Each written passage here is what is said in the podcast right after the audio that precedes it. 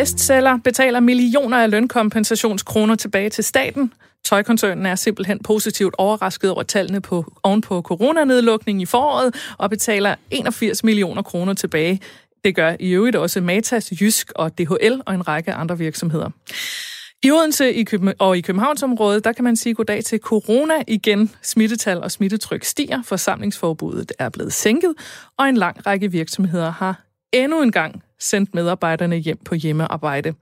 Og så blev det her ugen, hvor begrebet road pricing sneg sig tilbage i den offentlige debat som et af flere mulige greb til at gøre den danske bilpark mere grøn. Med de ord, velkommen til Selskabet på Radio 4, programmet, hvor vi dykker ned i ugens store erhvervshistorie og sætter særlig fokus på de mennesker, der gør en forskel i dansk erhvervsliv, med hjælp fra dem, der kender erhvervslivet indefra. Jeg hedder Mie Rasmussen, jeg er journalist og selvstændig kommunikationsrådgiver. Jeg rådgiver virksomheder og organisationer i forhold til, hvordan de kommunikerer skarpt og får den rette placering i medierne. Og ved min side er du endnu en gang Jens Christian Hansen, også selvstændig øh, journalist. Måske skal du selv sætte et par mere på. Ja, det er rigtigt. Øh, Jeg har været ansat journalist i 30-35 år ved først øh, Berlinske, og så Jyllandsposten, og så igen Berlinske som erhvervskommentator. Så jeg har siddet og kigget på erhvervslivet, øh, erhvervslivet og dets topchefer i mange, mange, mange år. Og øh, ret skal være ret. Vi skal også give plads til nogle andre end, øh, end os to og sige øh, velkommen til øh, dagens øh, paneldeltagere. Lone Andersen, velkommen til. Tak skal du have. Med lidt flere ord, viceformand i øh, Landbrug og Fødevare. Øh, og du arbejder også for Landbrugenes paraplyorganisation i EU. Og så er du i øvrigt også økologisk mælkeproducent over i, ja nu sidder vi i København, så kan jeg godt sige over i Lyne. Ja. Hedder det det? Ja, det gør det. Ved Ringkøbing? Ved, I Vestjylland, ja. Ja, jeg går ud fra, at du siger, at det er et dejligt sted. Det er det nemlig lige præcis. Men jeg lige spørge, nu, nu du bor i, øh, over ved Ringkøbing til daglig, hvad laver du i København nu? Jamen, jeg er over og arbejder for landmændene herovre i, øh, på Akselborg, på 7. sal på Akselborg, så vi øh, har jo mange opgaver, vi skal løse for landmændene. Så... Men jeg tager hjem til, til Vestjylland igen i, i morgen. Ja. Øh, og også velkommen til dig, Laura Lindahl. Tak. Du er direktør i det, der hedder DFM, Dansk Facilities Management. Jeg kan også lige sige, at du er også kommunalpolitiker på Frederiksberg. Mm-hmm. Du har siddet i Folketinget for Liberal Alliance. Øh, og øh, så sidder du også i bestyrelsen i Wonderful Copenhagen. Men det her DFM, Dansk Facilities Management, hvad er det? Jamen, det er en forening for virksomheder, kommuner, statslige styrelser og organisationer. Deres facility management afdeling. Så, øh, så hos os, der samler vi viden og deler viden og inspirerer hinanden, så man ikke sidder ude i den enkelte organisation og skal opfinde den dybe tallerken. Så en, øh, en forening, som, øh, som samler og deler viden inden for facility management. Og vi skal selvfølgelig tale meget mere den næste times tid, men øh, lad os lige starte med at lægge ud med det, Jens Christian, som vi altid gør, som vi siger her i selskabet. Så sidder der jo bag enhver stor erhvervshistorie også nogle mennesker, der træffer beslutninger. Øh, nu luftede jeg lige nogle af de, det, jeg synes var de største historier lige i starten, men må jeg prøve at høre dig erhvervsmæssigt.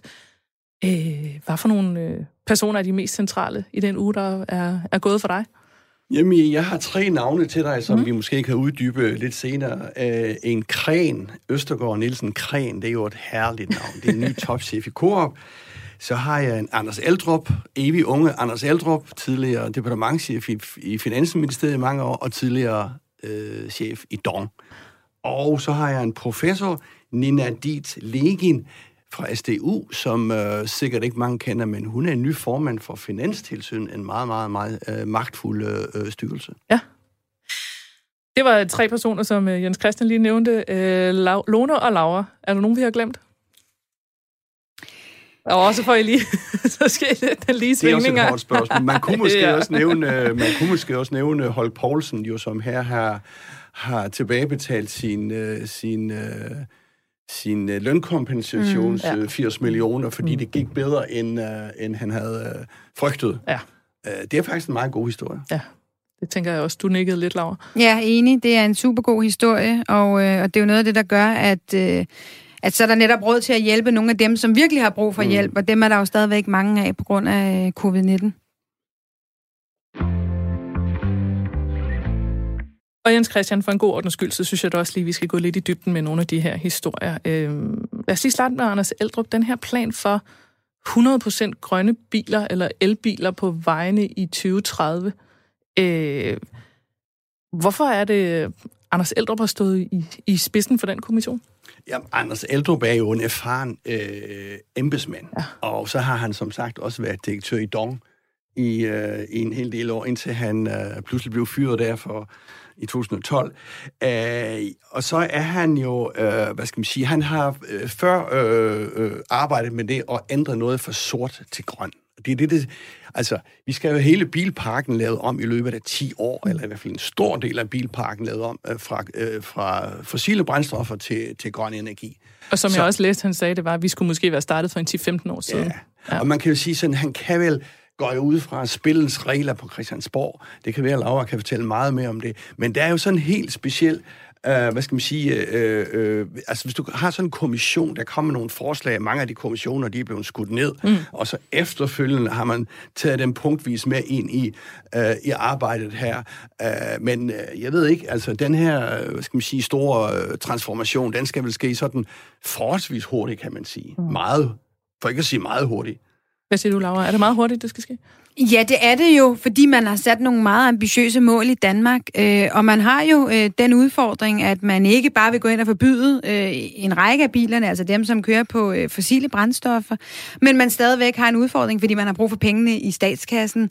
Så, mm. så det er jo den, man står i, det er at begynde at pålægge elbilerne registreringsafgifter. Jamen, det er svært, fordi man rent faktisk gerne vil have, at folk køber dem.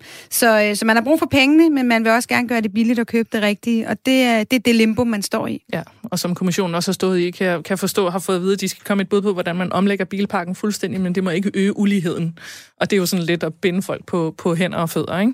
Øh, jeg tænkte, at vi måske også lige skulle gå ind omkring øh, den nye øh, topdirektør i Coop, vi talte jo om for et par uger ja. siden, øh, Peter Høsted, der blev fyret. Ja, jeg synes det. Vi, var, vi har jo her i vores øh, lille program været inde på, øh, på den sag øh, nogle gange. Øh, den overraskende fyring, øh, i hvert fald timingen af mm. øh, fyringen af Peter Høgsted, fordi øh, jeg tror, det var faldet ro på det ud. Mm. Øh, men det er det altså ikke. Kren Østergaard Nielsen har hittil været finanschef i, i koncernen, så for mig at se, er det et klart signal fra formanden Lasse Bolander om, at nu er det en regnedreng, der skal ind. Nu skal vi tjene penge. Nu skal vi have fokus på bundlinjen. Nu gider vi ikke alt det der øh, flip med øh, øh, grøn mad og mad, mm. øh, måltidsaktivisme osv. osv. Ja. Øh, jeg synes, det er lidt overraskende. Jeg ved heller ikke, om de rammer øh, rigtigt. Det, det må vi jo så se. At nu siger den nye øh, Kren Østergaard Nielsen der, at vi skal tættere på kunderne. Øh, overraskende, at de ikke har været det før.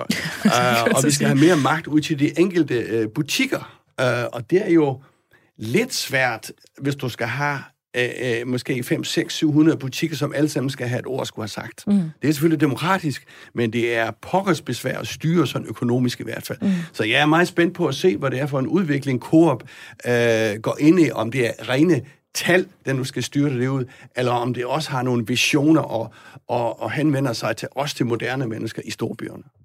Jeg tænkte egentlig at spørge dig, Lone, nu du øh, har din daglige gang over ved Ringkøbing. Øh, og vi skal ikke få det til at lyde som om, det er, det er på den anden side af jorden, men det er trods alt noget andet end at gå rundt i en superbrusen i Indre København, hvor altså nærmest alle de varer, der er på hylderne, er økologiske, og alt handler om dyrevelfærd, og det er meget det, Coop har slået sig op på de seneste år. Og nu lader det lidt til, at man går, hvad skal man sige, lidt den anden vej. Altså, er det din, for sådan noget betydning for din brus øh, i, i Lyne, eller hvor den nærmeste ligger henne? Ja, vi har en brus faktisk i Lyne, ja. øh, og, øh, og der kan vi jo mærke, at de er meget styret nu. Øh, jeg er leverandør til Arla, og jeg ser ikke ret mange Arla-produkter mm. i, i Coop, øh, i der, vores brus der, og, øh, og det er jeg da ikke helt tilfreds med, at vi ikke gør det. Men det er jo meget, meget styret, topstyret, så jeg, selvom jeg beder om, om ikke godt de kunne få de og de varer ind, for jeg synes, de mangler dem, jamen så har jeg indtryk af, at de er så hårdt styret, at, at det er ikke noget, de sådan lige kan, kan skifte om på. Så, så øh, jeg tænker, det er... Øh, det kunne være fint, hvis de kunne få lov at bestemme lidt mere, men, men øh, de har jo også lidt problemer med, med finanserne, ikke også at få det til. Og ja, generelt så er der jo så mange butikker og fødevarebutikker herhjemme, så det er vel egentlig er butikker til, til to gange så mange, som vi egentlig bor her. Mm. Så der vil jo være en kamp om det her. Den vil jo være rigtig hård, så det er jo det, øh, hvem, hvem holder længst, hvem gør det bedst? Mm. Altså, hvem kan holde fast i, øh, i øh, kunderne, i de ja. gode kunder? Laura, du havde en kommentar her. Ja, altså fordi da jeg så, at det var øh, CFO, der, der blev øh, CEO, der tænkte jeg, okay, så tror jeg, at øh, der skal mere økonomistyring på. Jeg tror netop også, at økonomien skal fylde mere, og at det derfor bliver mere efterspørgselsdrevet. Og det er jo det, der har været interessant, det er jo, at det har jo ikke været efterspørgselsdrevet, den måde, man har drevet Coop på. Der har man haft selv en vision om at, at pushe øh, på det økologiske og på det, der er øh, dyrevelfærdsbeskyttet. Øh, og der er det jo bare interessant, hvor danskerne er, fordi hvis det skal være øh, efterspørgselsdrevet, fordi man så tjener bedre penge og flere penge på det, jamen så, øh, så ved vi jo fra undersøgelser, at langt flere danskere siger, at de køber øh, fritgående økologiske æg, men de køber faktisk øh, buræg. Skrabeæg. Øh, ja, ja skrabeæg. Og, så, så det er jo interessant, hvis man ligesom skal ind og tune ind på, at det skal være øh, det, der er økonomisk rentabelt, fordi det er ikke der, danskerne, i hvert fald sådan ifølge undersøgelserne, er. De siger, de er et sted, men deres forbrugsvaner er faktisk et andet sted. Så det bliver interessant. Ja, og på den måde fik vi også bevæget os hen i nærheden af en snak om landbrug. For når nu vi har en af de mest fremtrædende landmænd i Danmark i studiet, så skal vi da også tale om øh, det mulige generationsskifte, som jeg i hvert fald udefra ser, der er på vej i toppen af, af dansk landbrug. Øh, Lone Andersen, øh, viceformand i Landbrug og Fødevare, jeres øh, formand og din meget tætte kollega, Martin Merhild, øh, han har meddelt, at han stopper i november. Det er bare den seneste ja. i en række topposter, hvor der er blevet skiftet ud. Øh, for et år siden, der kom der en ny administrerende direktør, øh, Anne Arnung, kom til. I foråret kom der en ny kommunikations direktør, kommunikationschef. Jeg ved ja. faktisk ikke helt klar på, hvad hans titel er. Øh, Lasse Baskær kom til. Øh, og nu bliver der altså også rykket rundt øh, i, i formandskabet. Er du overrasket over, at Martin Merhild stopper? Vi har også fået en uh, Morten Bøje uh, Hvid, som er blevet vores nye erhvervspolitiske direktør, så ja. bare lige for at tilføje ja. til rækken. Uh, jamen, uh, jeg er da lidt overrasket over, at han stopper nu. Mm. Altså, jeg var ikke klar, om han ville gøre det nu her, eller han ville om to år. Men, uh, men det er klart, der sker nogle nye ting, og der er rigtig mange store udfordringer, og det kan være, at det er en meget passende tid at skal lave uh, lidt generationsskifte mm. i vores erhverv. Vi står over for rigtig store udfordringer, men er er godt på vej og øh, er godt tunet til det, også via de forskellige udskift, du lige har, har nævnt, ja. også at øh, jeg synes, vi har et rigtig godt hold nu. Så, øh, jeg er jo nødt til at spørge dig. Stiller du selv op? Nej, det gør jeg ikke. Hvorfor ikke det? Jamen, fordi at øh, jeg repræsenterede lidt mindre forening i selve Landbrug og Fødevare, som hedder Familielandbrug, hvor vi ikke er så mange medlemmer. Og øh, jeg, kan, jeg kan faktisk godt stille op, hvis der var 15 stiller, der ville stille mig op, og det tænker jeg som godt, jeg kunne finde. Men, øh, men det gør jeg ikke, fordi at, øh, jeg repræsenterer et mindretal af, af organisationen, så øh, det, bliver, det bliver en anden en, og jeg tænker også, det bliver en mand. Det vil jeg tro. Nå, så. fordi det er sådan en klassisk landbrug, eller hvad? Nej, men det er nok dem, der er flest af. Ja, det er, er det. Ja. Derfor behøver det jo ikke være sådan. Nej, det er rigtigt, det er rigtigt.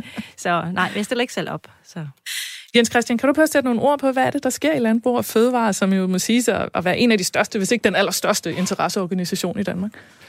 Jo, jeg ved ikke, om jeg kan fortælle, øh, hvad der sker.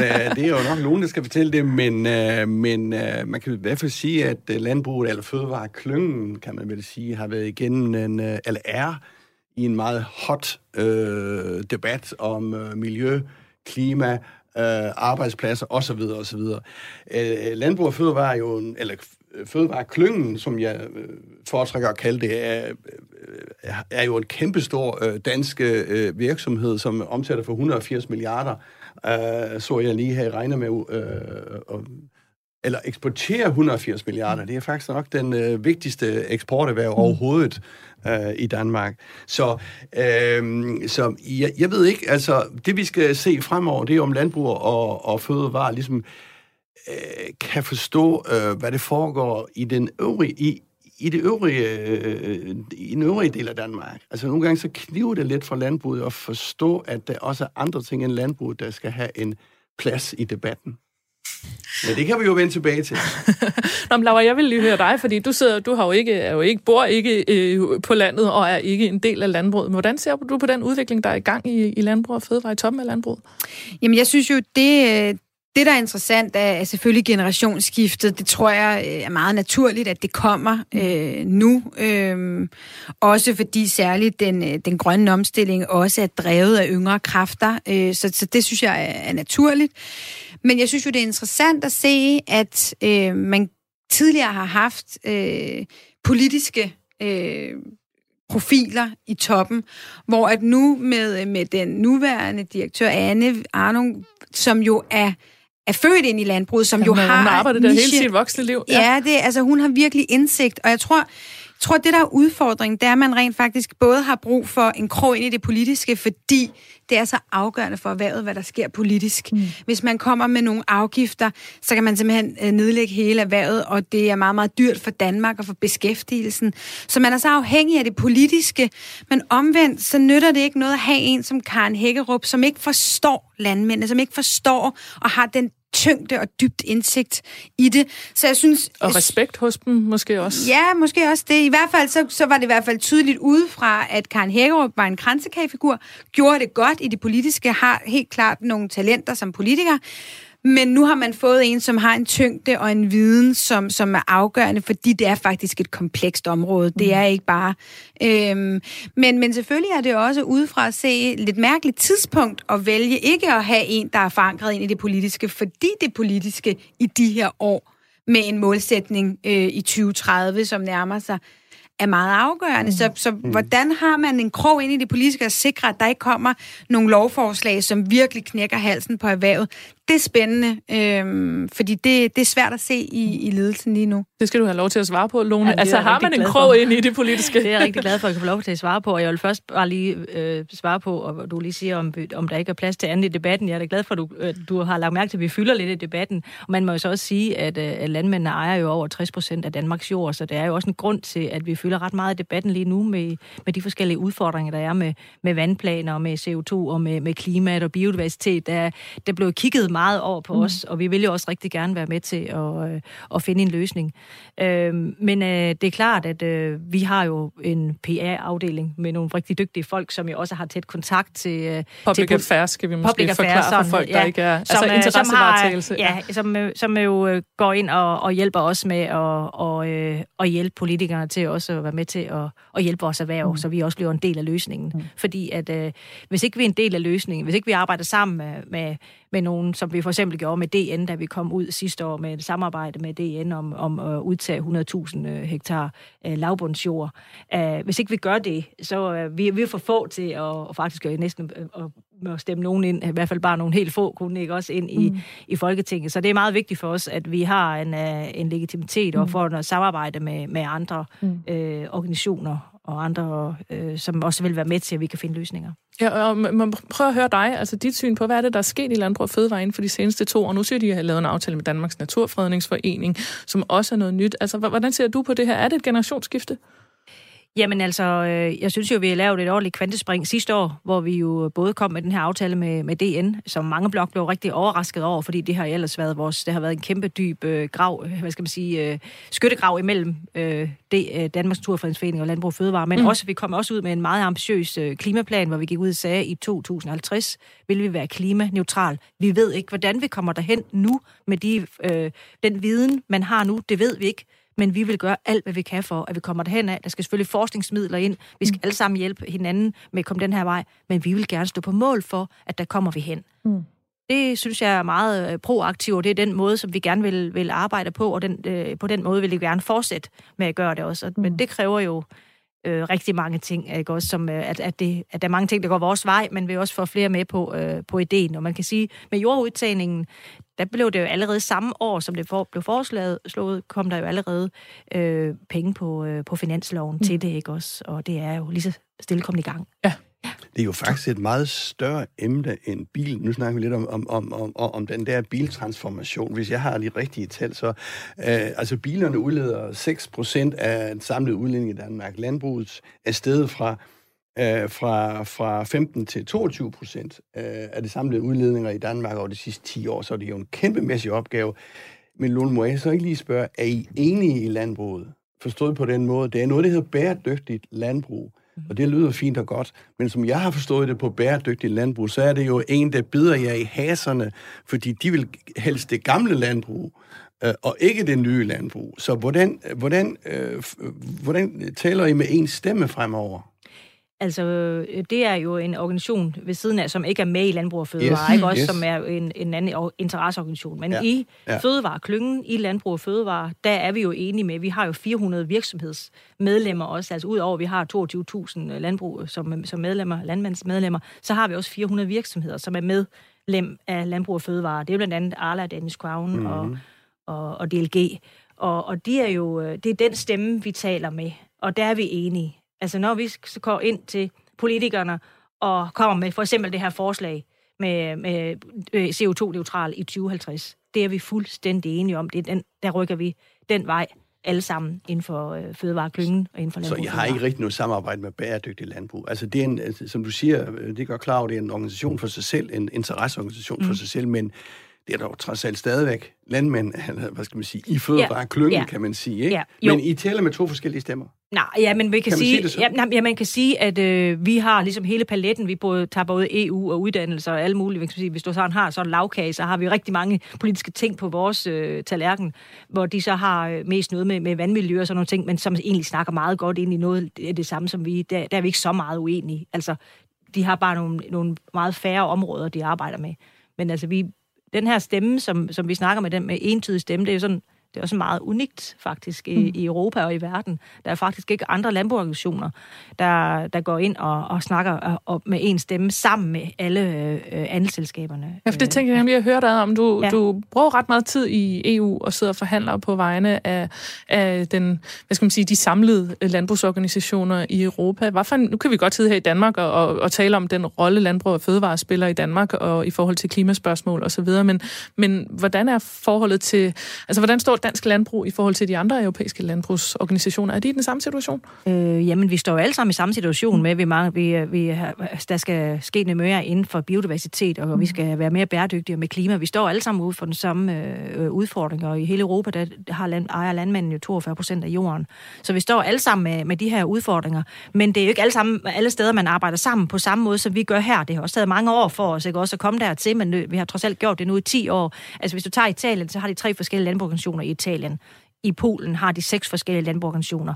Og så kan man jo sige sig selv, hvis de går op med seks forskellige holdninger til de forskellige politikere, så kan politikerne gøre lige hver retning, som de lige tænker, de vil. Og, og, det, og der er også mange øh, af de andre lande, hvor de slet ikke kan arbejde sammen med de grønne organisationer, måske ikke engang sammen med jægerne eller nogle andre. Og så står, så står landbruget altid svagere, hvis man, hvis man bare vil stå på sit eget. Altså, mm. vi er i en helt ny verden nu. Vi har en helt ny dagsorden. Vi skal arbejde sammen med, med, nogen, med blandt andet med de grønne organisationer. Vi skal fælles hen mod, at vi, øh, vi får mere biodiversitet, vi gør det hele mere klimadygtigt, og det gør vi kun ved at arbejde sammen.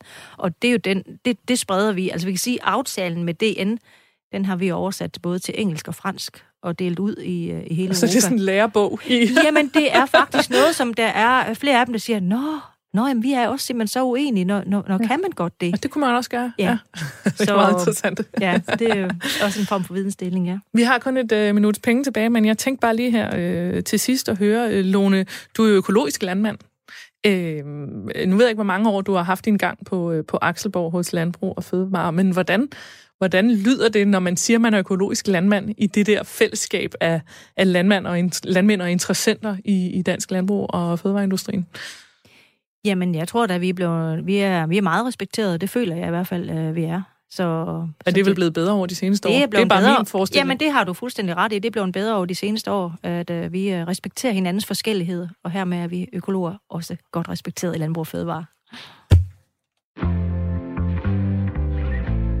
Vi når ikke mere, for nu senere i udsendelsen, så skal vi tale om politikere, der blander sig i erhvervsliv, og erhvervsfolk, der blander sig i politik, går den ene vej eller den anden vej hen over skældet. Vi skal også tale meget mere om øh, ugens profil i vores øh, erhvervsleksikon, og der kan jeg måske godt øh, gå så langt som til at sige, at vi skal ind i øh, cementindustrien. Den har vi ikke været inde over før.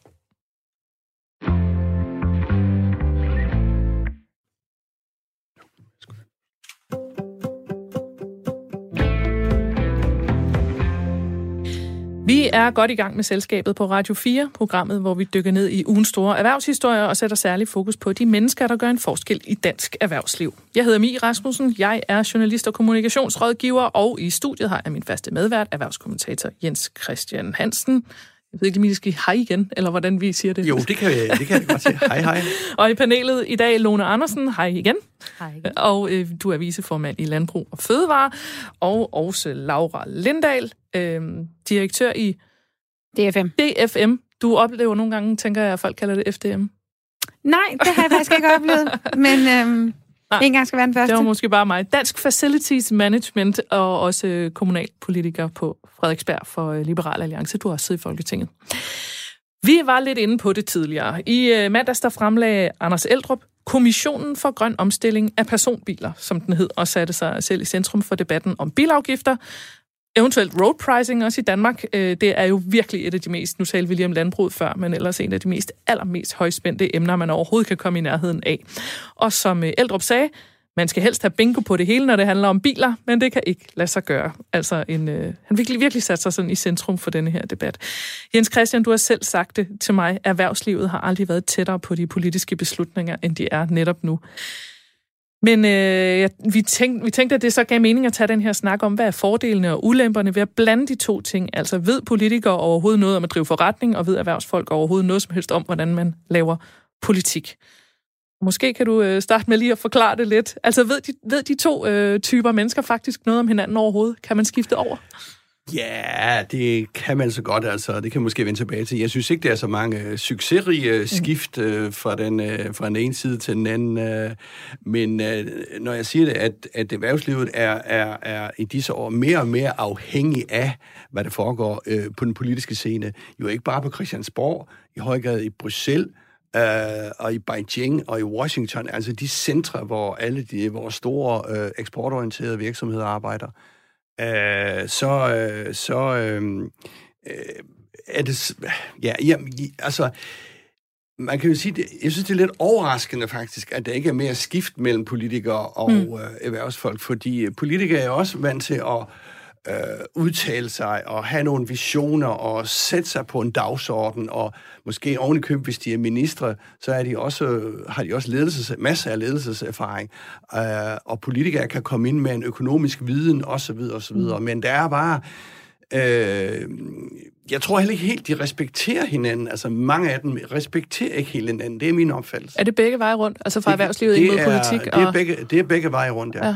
Hvordan er jeres opfattelse af det? Måske skal vi lige sige, Lone, du har tidligere siddet i byrådet i Ringkøbing Skjern Kommune for øh, Venstre, ja. så du har også øh, politisk erfaring derfra. Hvad er jeres opfattelse? Er det, er det rigtigt, at man ikke respekterer hinanden i uh, henholdsvis erhvervsliv og politik?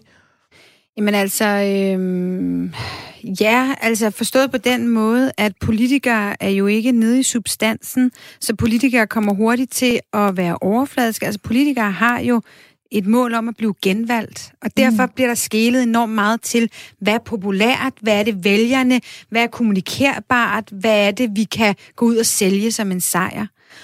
Og når der så kommer sådan nogle strømninger, som for eksempel, hvad vi talte om øh, før pausen med landbruget, når der kommer sådan nogle strømninger af grøn omstilling, så er politikerne rigtig hurtige til at hoppe med på den bølge og mm. gerne vil virke grønne. Og så misser man nogle centrale nuancer, man misser nogle mellemregninger, fordi det er ikke så simpelt, at man bare kan omstille vores landbrug. Øh, det kommer til at koste arbejdspladser, hvis man gør det for hurtigt, og der er noget teknologi, der skal på plads. Så, så der er noget i, at politikere gerne vil have nogle hurtige point over for vælgerne. De tager de nemme stik, og det bliver en lille smule overfladisk, og derfor de erhvervsledere og de virksomheder, der er inde over det, de gennemskuer det, de kan godt se, man er ikke nede i substansen, mm. man er ikke savlig, man er øh, populist langt hen ad vejen, fordi man har et genvalg øh, for øje. Og det gør altså, at der, øh, at der kommer en, en, en manglende respekt for, øh, for politikeren. Ja, og jeg ved også, øh, Lone, du sagde til mig, inden vi gik i gang med, øh, med udsendelsen, at du, øh, at du, du havde det rigtig svært med især landspolitik, det der med, at man skal gå med en linje i, i, i partiet. Ja, nu øh, var det så et byråd, jeg sad i, og mm. der gik jeg da normalt også med, øh, med øh, linjen i partiet, men, men det, der kan man bedre gå ind og, og have nogle, nogle af sine egne holdninger, øh, mavefornemmelse der er man nok mere presset til det i, i landspolitik, men jeg vil gerne sådan sende det over til, at jeg tænker, at øh, jeg ser altså også muligheder, mange muligheder i, hvis der bliver et mere øh, større krydsfelt imellem politikere og, og, og øh, erhvervsfolk. Fordi mm. jeg synes jo selv, det her med at være, at nu har vi et landbrug, og drive et landbrug, hvor, hvor det skal gerne give mest øh, altid være en sort bundlinje, det er fuldstændig det samme, der sker i en kommune. Man skal ind og have lavet nogle, øh, noget erhvervsudvikling, vi skal have noget bedre velfærd, nogle bedre skoler, det vi skal sørge for, at, og det er jo også det samme, altså selve, selve Danmarks, øh, øh, at sidde i en regering, er jo også bare en rigtig stor husholdningskasse, der skal gå op, altså du skal, der skal det jo, der er det jo helhed, du er jo som erhvervsmand, der kommer ind i, i det her, i politikken, der vil du bare gerne have, at vi får det fikset og får det klaret, og, og nu skal vi videre og Mm. tjekke, altså få det, få det hele klaret. Og det tror jeg er rigtig sundt, fordi at der sidder også nogle politikere, som er uddannede politikere, som aldrig har været ude af erhvervslivet. Så det tror jeg er et rigtig sundt øh, mix. Så det der med at det- få overholdt en deadline og få fikset ting. Ja, det skal bare ordnes. Ja. Altså, jeg tænker, det, hvor, hvorfor, hvor svært kan det være? Mm. Vi, vi må i gang, vi må finde nogen, vi, vi finder en ordning på det, så løser vi det. Ja, altså, Men det er jo to helt vidt forskellige beslutningsprocesser. Øh, op på din gård, der kan du selv bestemme. I hvert fald inden for de rammer, du har med økonomi og ting og sager. Altså på Christiansborg skal man jo normalt sige, at man skal tælle til 90, men der skal man jo indgå på kompromiser. Erhvervsledere er altså ikke vant til at øh, øh, gå på kompromis. De får en masse input, yes, af deres øh, underchefer og så videre op i organisationen, og så tager bossen øh, den endelige beslutning. Sådan er det jo ikke helt i politik. Nej, men der synes jeg bare, altså, der synes jeg så, at nu sidder du også i en byråd, øh, Laura, at øh, det har været en rigtig god lærer for mig, læring for mig at sidde fire år i byrådet, fordi så, så har jeg jo lært, at jeg skal igennem alle processerne, alle udvalgene, ikke også? Mm. Men stadigvæk, så har jeg jo den her guldråd derude. Jeg vil bare gerne have det ordnet. Det må gerne gå så stærkt som muligt. Det skal selvfølgelig være ordentligt med borgerinddragelse med alle de der ting, der er. Men men jeg ser bare rigtig hurtigt målene, og jeg vil bare gerne, gerne have det klaret, og det synes jeg da er fint nok at tage med ind. Men, men, men jeg vil godt klar over, at der er en, en bremse, det skal have sin tid. Selvfølgelig skal det det. Mm. Men, øh, men det er en god læring, og, og først at i en, i en, have, have prøvet at være ude i det politiske, i det kommunale, og så ja. Men det giver meget god mening at også, også i den her sammenhæng at spørge dig, Laura, fordi du sad i Folketinget indtil for et år siden, mm-hmm. for Liberal Alliance og var en af dem, der ikke blev genvalgt. Øhm, og nu sidder du så også som direktør i en privat virksomhed. Hvordan er det skifte? Jamen, det er, et, det er et stort skifte. Det er noget helt andet. Øhm, der er, øh, altså bare processerne, der er øh, i det private, er der jo rigtig kort fra øh, tanke til handling, hvis man vil det. Hvor at, øh, åh, hvor kunne man blive træt af, hvor lang tid alting tager i det politiske system. Øhm, det der med, at man kan rykke hurtigt. Men der er også, altså, der er en anden, altså, der er jo en anden, det der med, at man ikke er orienteret omkring, Øh, man har sine kunder øh, som, som virksomhed, hvor at, øh, det er vælgerne øh, og sit bagland som, som politiker. Øh, der er ikke nogen, der kan fyre dig som politiker. Du har fire år, uanset mm. hvad, og hvis vælgerne er glade for dig, så kan du være en kæmpe idiot over for din partileder. Der er ikke så meget at gøre ved det, fordi vælgerne er der ikke. Og det er jo også det, vi ser øh, nogle strømninger i Venstre. Det er, øh, der er nogen, der kan, og i alle mulige andre partier for den sags skyld, så har vi bare set det meget i Venstre. Men at du kan sådan set sidde i en folketingsgruppe og være rigtig illoyal over for den siddende leder. Det har ikke nogen konsekvenser. Og nogle af de der mekanismer, de går altså ikke i det private. Det går ikke, at du opfører dig sådan over for din leder, og der er også nogle kollegaer, der vil sige fra. Så der er, nogle andre, der er simpelthen nogle andre mekanismer på spil, fordi du ikke har en chef, der kan fyre dig. Men måske giver det også, øh, som du også sagde, Jens Christian, lige, øh, er det et, et stikord til at gå videre til den der snak med, hvornår er det egentlig så lykkedes øh, at skifte erhvervslivet med politik, eller politik ud med, med top-erhvervsliv. Har du nogle bud på øh, gode eksempler på det? Øh, ja, altså, men jeg plejer jo også at skælne lidt, ikke? Mm. fordi øh, hvis det er en politiker kommer ud i en interesseorganisation, øh, så er det selvfølgelig ude i erhvervslivet, øh, det, det er jeg godt klar over, men det er trods alt alligevel sådan lidt i, i, øh, i øh, hvad skal man sige, i sfæren af politik. Altså ideen ja. med en lobby, lobbyorganisation, det er jo, at man skal lobbye på Christiansborg. Mm. Øh, helt forenklet sagt.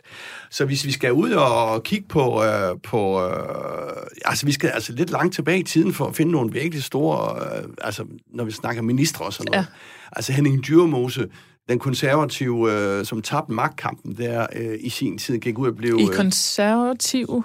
I det konservative, ja, ja mm-hmm. øh, som tabte magtkampen og blev topchef i TDC ja. øh, i nogle år, og det var så en meget dramatisk tid der.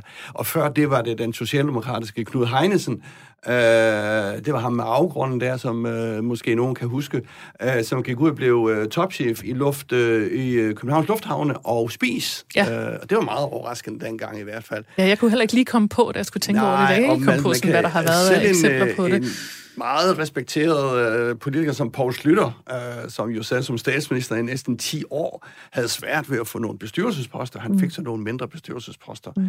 Nu jeg har tænker, vi der så, vel også et... øh, Nu har vi så nogle statsminister, Helle Thorning, eller eks-statsminister Helle Thorning og Lars Løkke, øh, præcis hvad de skal lave, det ved jeg ikke helt, men de kan måske også få svært ved at finde øh, fodfæste i sådan mm. klassiske øh, jobs i erhvervslivet. Ja hvad er det, Torning sidder i bestyrelsen for Vestas. Er ja, det der, hun, hun, sidder har? i bestyrelsen for Vestas, ja. ja øh, og jeg kan faktisk ikke huske, om Lars Lykke har en bestyrelsespost. Har han det? Det har han sikkert. Øh, jeg ikke, kan bare ikke lige her ikke på fingrene. Ikke større selskaber. Nej, øh, nej, han har præcis. en tilknytning til et, øh, et, et stort advokatfirma, ja. hvor han er rådgiver, kan ja. du sige. Ikke? Kan I, kan I komme på nogle øh, gode eksempler Altså på det eneste eksempel, jeg kunne komme på, hvor jeg tænkte, der var et eller andet, det var Mads Lebæk, som var borgmester på Frederiksberg, øh, som måske var et meget godt bud på en, der, øh, der var en ung komet og dygtig på Frederiksberg, vældigt at komme ud øh, og er nu i Industriens Fond, tror jeg, ikke? Øh, Uh, han er så lige skiftet. Uh, han har været i Industriens Fond, så var han over i Tryghedsfonden. Ja. Og nu er han så i Falk. Lundbæk. Lundbæk. Okay.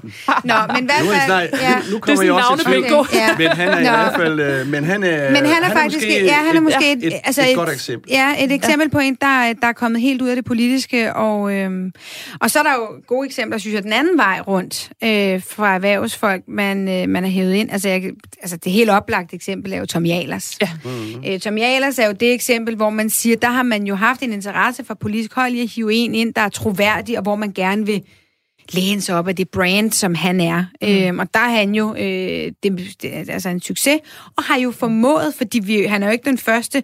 Øh, man havde Jørgen Nergård, øh, som man satte ind som beskæftigelsesminister. Han kom som, fra DA. Ja, var direktør i DA, og som var super skarp. Øh, jeg var inde som supplant i den periode, hvor han sad som minister og havde nogle møder over hos ham.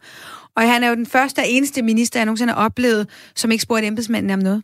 Når man som ordfører spurgte ham, øh, spurgte ham et spørgsmål, så spurgte han ikke embedsmænd. Han svarede bare, fordi han kunne simpelthen det hele. Han var, han var formentlig dygtigere end, end sine embedsmænd mm. på en lang række Men han blev områder. også kritiseret for kommunikationsmæssigt for at mangle karisma, og for ikke at være, for, at være Præcis. særlig outgoing. Og sådan. Jamen, han var nemlig, og han missede jo det der med, at der er bare noget i, når man så skal have Dansk Folkeparti ind til forhandlinger, så skal der serveres noget, der skal være en særlig jargon, og sådan er det bare.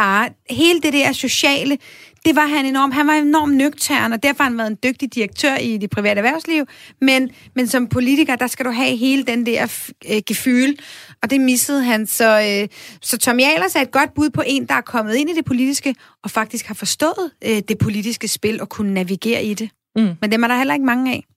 Der kan begge dele så succesfuldt, som han kan. Nej. Hvad siger du, Lone? Jamen, jeg synes, der er rigtig mange muligheder i den her, i den her samarbejdsflade, fordi jeg tænker jo, at den her regering gjorde noget meget klogt, da de lavede øh, klimapartnerskaberne, mm. hvor man jo netop tog erhvervslivet ind, for jeg synes, det er så utrolig vigtigt, at man politisk har erhvervslivet øh, tæt ind på sig, altså og ikke bare erhvervslivet, men også alle de forskellige grupper, vi har i samfundet. Så rent demokratisk, så synes jeg, det er jo meget klogt gjort, at de, de tog dem ind, Øh, og, og der er man jo inde, altså det er jo, det er jo der, du kan lave noget, synes jeg, forhåbentlig noget klogt. Det er stadigvæk ikke nemt, men det, altså, du har i hvert fald nogen inde, som har hånden på kogepladen i de forskellige, dem der klimapartnerskaber, ikke også? Øh, som, hvor vi jo havde, øh, hvor der var, ja, der var, jeg tror, det var 13, ikke også? Men mm. det synes jeg var, og så det der med at bruge synergieffekterne og, og hjælpe hinanden med at finde nogle løsninger for vores lille land, det synes jeg er, er, er godt, at vi, vi gør det, så jeg, jeg synes, man, folk skal ikke være bange for det. Jeg tænker bare, at øh, øh, springer man fra det ene til det andet, så skal man endelig øh, mm. tage det, fordi det er noget positivt. Nu har vi jo prøvet også at have nogle øh, direkte, hvor du snakkede om Karen Hækkerup, nævnte Karen Hækkerup før, som var justitsminister og gik direkte over, var direktør over ved os. Altså, det har vi da fået, det har vi da fået noget ud af. Det har hun da helt sikkert også fået noget ud af. Det er der nogle gode synergieffekter i. Øh, så, så der er øh, nogle... Øh, nogle steder her, hvor, hvor der er, er meget at hente for hinanden at lære. Og der er jo... Øh vi er nemlig nødt til at afslutte debatten nu, men vi får bevæget os hen i retten af de der genstartsteams, som øh, regeringen også har nedsat, som også er et helt bevidst samarbejde med erhvervslivet for at se på, hvordan forskellige brancher kommer videre oven på øh, corona. Og de genstartsteams, kan jeg godt afsløre, dem kommer vi også til at tale sammen, øh, tale om på, øh, i et senere program. Øh, jeg tænker, vi var meget fint omkring det her, og, øh, og lad os gå ud på det, Lone sagde med, at der faktisk er noget at komme efter, både for erhvervslivet og for øh, dansk politik.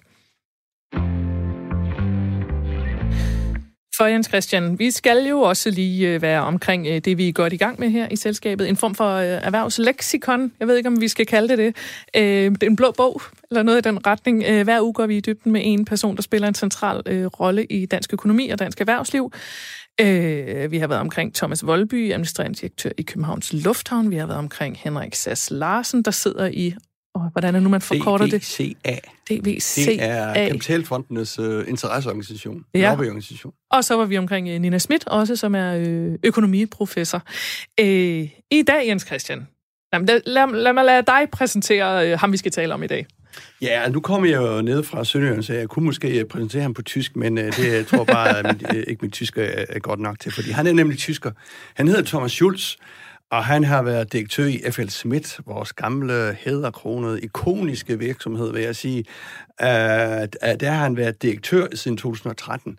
Han er 55 år, uh, og han er vild med Danmark. Jeg har været ude og snakke med ham. Han er vild med Danmark, han er vild med den danske ledelsesstil, den der flade ledelsesstil, og han ja. øh, tager altid Dannebro med ud i verden, når han er ude og, og, og, og, og, og skulle sælge øh, sine fabrikker.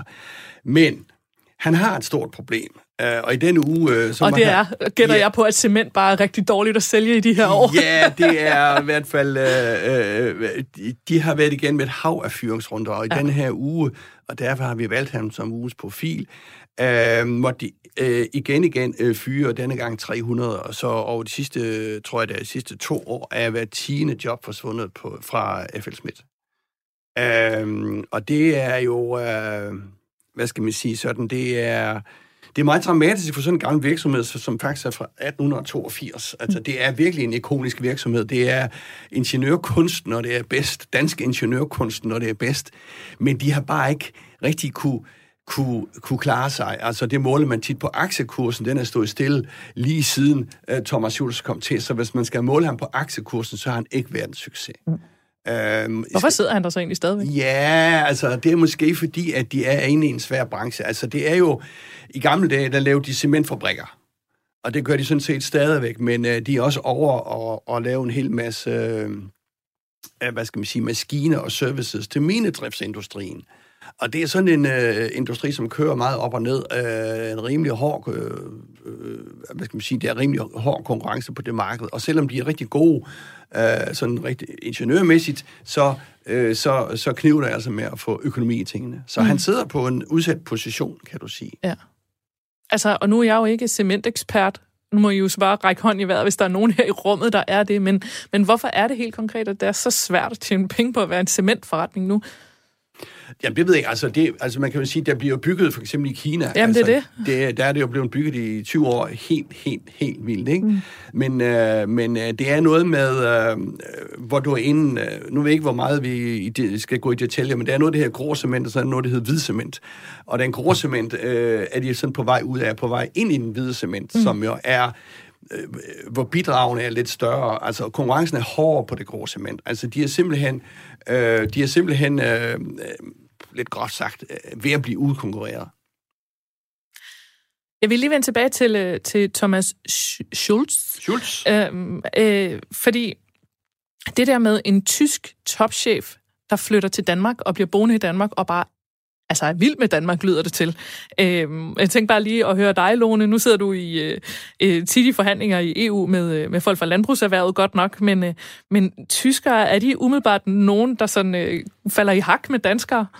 Ja, men det kan det da sagtens være. Vi har da også, for eksempel inde i landbruget, har vi haft de sidste øh, to-tre årtier, der kommer rigtig mange hollandske landmænd øh, ind og overtager nogle af, af gårdene, så øh, tyskerne er nogle af dem, vi har meget stor kultur kulturfællesskab med, både tyskerne og så alle de nordiske lande og Holland. Men de, har jo, men de har jo samtidig en stil, som er sådan ordnung muss sein, og sådan lidt, øh, hvad skal man sige, sådan lidt, øh, lidt stiv og sådan lidt, lidt regelret, ikke? De, de arbejder meget efter sådan kontrollister, checklister. ja, men det må de nok have haft behov for i FL Schmidt i hvert fald, og det har, det har virket for dem, ikke? Nej, også, men, men han tænker... er netop, jamen, altså, det er jo netop det, at han er tysker, så tænker man, at han også arbejder som tysker, men han arbejder, det er min tolkning, han arbejder som en, en nordisk leder, en dansk leder. Han kommer ikke med uh, kæft uh, trit retning, uh, og det kan de jo også. Altså, ja. Jeg tror, man skal passe på at ikke have for mange fordomme uh, om, uh, om ledere, men det ja. er netop det, der, uh, han er tiltrukket af i Danmark. Ja, og som vil er ret øh, kendetegnet for Danmark, og hvorfor vi også tiltrækker, det er jo netop den flade ledelsestil. Det er også den meget tillidsbaserede ledelse, som jo også er en af vores helt store styrker, især nu, hvor at vi på grund af covid-19 kommer til at se rigtig mange arbejde hjemme. Der er vi jo i Danmark så privilegeret, at vi har en høj grad af tillid øh, til vores øh, medarbejdere. Så, så hele det der med, øh, rigtig mange lande står i, hvis man skal arbejde hjemme, i USA for eksempel, ikke? der er det godt nok svært for lederen at skulle finde ud af at navigere i, at alle medarbejderne sidder hjemmefra. Det er faktisk ikke så svært i Danmark, fordi vi har været vant til en høj grad af tillid Øh, og det er jo det, der også tiltrækker nogen dygtige. Det er jo ikke bare FL Schmidt. Vi har jo faktisk en del af vores virksomheder, som kan tiltrække dygtige udlandske ledere. Det er jo fordi, vi, vi har en sær, øh, sær en, øh, ledelseskultur. Mm. Men jeg tænker også for, at lad os se lidt frem i tid, fordi nu taler vi om, at cement, og man er ved at udskifte hele stilen. Vi går mere over til hvid cement, øh, og selvom man bygger meget på, på verdensplan, så er cement bare en, virkelig, har virkelig, virkelig et dårligt ry. Jeg mener, man siger, at Aalborg Portland alene står for over 40 procent af den udledning, CO2-udledning, der kommer øh, øh, i Danmark. Øh, 2 procent. Er det kun 2 procent? 2 procent af hele udlændingen i Danmark. Ah. 40 procent, det er næsten halvdelen. Jamen, ved du hvad? Jeg synes, jeg læste Nå, okay, ved du hvad? Jeg står her og lukker alt muligt forkert ud. lad os så, kalde det, lad os så sige, uh, sige 2 øh, procent. Men hvis vi skal prøve at se lidt frem i tid, altså, hvordan ser I uh, uh, det her med, uden at være, igen, uden at være uh, cementeksperter, uh, er det sådan noget, vi skal blive ved med at slå os op på i Danmark at være, uh, have industrivirksomheder, for vi er jo ellers ikke rigtig et industriland? Nej, altså jeg tror, at det er helt afgørende, både for vores øh, landbrugssektor, men også for vores øvrige øh, virksomheder, at vi får øh, sat fod under forskningen. Altså det er nye teknologier, der skal redde os, og især hvis man kigger på, øh, på vores landbrug, og det er jo det, der gør det rigtig svært også øh, for politikerne, det er jo, at man skal stå og pege på noget, som skal løse de udfordringer, som ikke findes i dag. Og, og det er altså rigtig svært at være en handekraftig politiker, som har løsningerne, og så sige, der kommer noget. Altså, det er lidt, øh, der kommer en god der løsning, god i morgen, i morgen ja. øh, Helle Thorning, ikke? Hvor at, men, men det er bare det, der er svaret. Det er, vi er nødt til at sætte fod under forskning, fordi det er nogle teknologier, vi ikke kender i dag, som skal løse udfordringerne for os. Og det er bare svært at sige som politiker, men, men det er sådan, det er. Jens Christian? Jamen, jeg tænker også på, altså, øh, du spurgte, om vi skal have Aalborg Portland i Danmark, og jeg vil sige klart, ja, vi mm. skal have Aalborg Portland i Danmark. De er meget bevidste om det. Altså, vi skal jo heller ikke være mere hykleriske end som så. Vi skal jo have cement, vi skal have, øh, vi skal have veje, og vi skal bruge det. Og de arbejder benhårdt for at få nedbragt CO2-udslip med nogle meget avancerede, som, øh, som Laura siger, det er meget avanceret brug af te- øh, ny teknologi. Mm. Og så, man kan jo selvfølgelig godt sige, nu lukker vi Aalborg Portland, og så øh, får vi de 2% ekstra i regnestykket, men så åbner det jo en fabrik i Polen, øh, eller hvor den nu åbner, hvor de kan lave den cement. Så, mm. så, så lad os beholde Aalborg Portland, og os tro på, at den ledelse kan bringe øh, den bedste virksomhed frem. Og Lone? Og jeg synes, det er meget vigtigt, at vi er erhvervsvenlige her i Danmark, øh, fordi at øh, lige præcis, når det er, vi også blevet klemt på at skal lave nogle resultater med, det kan være mere klimadygtigt, jamen så bliver vi presset til at, at finde, finde noget forskning på det, også som Laura siger. Og det kan man kun gøre, hvis man har den industri, eller det landbrug, eller den fødevareproduktion, hvad man nu har. Det er kun, når man har den, man kan finde de der muligheder, øh, og den teknologiske løsning, som vi så forhåbentlig kan eksportere til andre lande senere. Så, så jeg synes, det er meget vigtigt, at vi, vi beholder alt den, øh, den erhvervsaktivitet, vi kan have i landet. Det er jo grundlæggende for vores velfærdssamfund, at vi har også nogle arbejdspladser. Også en del af den klassiske øh, industri, Ja. Den lidt tungere industri. Men den er der vel næsten ikke noget, for det vil jeg lige, øh, det var mit næste spørgsmål. Der er vel ikke særlig meget den der klassiske industri tilbage i Danmark. Nu taler vi om virksomhed, der blev startet i, hvad sagde du, 1882. Øhm, er der overhovedet nogle af de virksomheder ellers tilbage i Danmark? Er de ja, der gode, det er gamle... Det. Altså, man kan sige, Danfoss, uh, Grundfos er også en klassisk industri. Mm. De har så mm. bevæget sig over i den, den hvad skal man sige, at, at, at levere grønne løsninger. Mm. Uh, Danfoss, man tror stadig, at termostater, jeg tror, det er 5 procent, de laver termostater. Det er en helt andre store uh, kølingsløsninger, hvad ja. jeg, de laver dernede. Så vi har... Så vi har øh, den klassiske industri. For meget få år siden var det sådan, at man, man tænkte, at vi skal udlægge al produktion og så kan vi bare have forskning i Danmark. Men det viser, bare, øh, det viser sig bare, at du kan ikke have forskning adskilt fra produktion. Nej. Så den nye, det er, at øh, hvis du skal have forskning i Danmark, skal du også have en vis produktion i Danmark. Og det lyder også som om, at, øh, at det er noget, F.L. Schmidt godt er klar over, selvom det ikke går ja, så godt de har 5, 6, 700, øh, hvad hedder det, ingeniører siddende ude i Valby. Øh, så, Nå, så, se, der kan I se. Det er måske derfor, han får lov til at blive siddende, selvom øh, regnskaberne ikke går så godt, eller hvad? Ja, det ved jeg ikke, om det er, men altså, det er selvfølgelig en danskbaseret virksomhed, og, så, så, så de er stadigvæk en stor dansk øh, industrivirksomhed, ikke? selvom de er langt de fleste af EU-lande. Og så er det jo også svært at vide, hvordan det havde set ud, hvis ikke han havde været på posten. Der kunne det jo have set meget værre ud, end det egentlig er gået. Det er jo det, man, øh, det ved man ikke. Nej, det ved man aldrig. Jeg vil lige lukke af med en lille detalje omkring F.L. Schmidt, fordi jeg har siddet og tænkt, hvor er det nu, jeg kender dem fra? Hvor er det nu, jeg kender dem fra? Det handler om, at uh, Paul Larsen, der var en af de tre mænd, der startede F.L. Schmidt i, der i 1882. Han har et barnebarn, som, øh, og jeg fandt en artikel om ham, der han er beskrevet som en mand, der er født med en cementske i munden. Det er Christian Kær. øh, som var gift, gift med Janni Spis. Øh, og der har været rigtig, rigtig mange Han var magtkampe. gift med Janne Spis, Ja, ja, det er jo skilt. Ja, ja og, så, og gift med andre og sådan. Men øh, der har været rigtig, rigtig mange magtkampe internt i FL Schmidt, og det endte med for nogle år siden, at Christian Kjær, han, øh, han solgte alle sine aktier og har trukket sig fuldstændig ud af projektet. Det var alt for i dag. Hvis I har bud på gæster til programmet, emner eller personer, vi bør beskæftige os med, så kan I skrive til os på selskabet snabelag radio4.dk.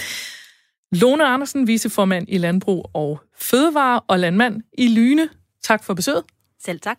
Og Laura Lindahl, direktør i DFM, Dansk Facilities Management og lokalpolitiker på Frederiksberg, tidligere folketingsmedlem. Tak for besøget. Selv tak. Og øh, tak til dig, Jens Christian. Vi øh, ses i næste uge. Jeg hedder Mie Rasmussen. Vi høres ved.